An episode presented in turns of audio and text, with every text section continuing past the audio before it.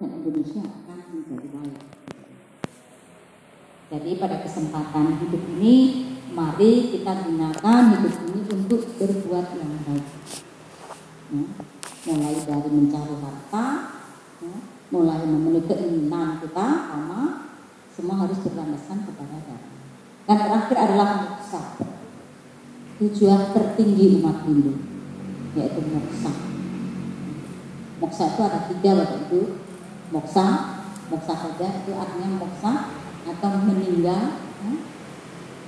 Kemudian ada adi moksa, yaitu moksa yang eh, masih meninggalkan bekas. Dan para moksa, yaitu moksa yang tanpa meninggalkan bekas. Itu ada tiga tingkatan jenis moksa.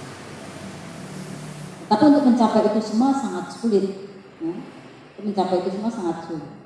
Tetapi itu merupakan tujuan hidup yang harus diupayakan.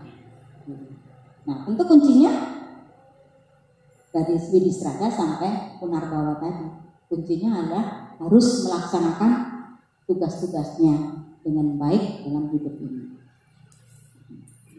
Itu banyak sebenarnya sloka-sloka yang saya uraikan dalam slide, cuman tidak saya bacakan satu persatu karena nanti waktunya sangat lama. Jadi saya kira itu saja Bapak Ibu sekalian.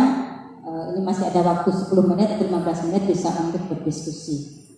Baik, eh, kiranya itu paparan yang dapat kami sampaikan. Ada kurang lebihnya kami mohon maaf dan kami akhiri dengan peranan santi. Om Santi Santi Santi.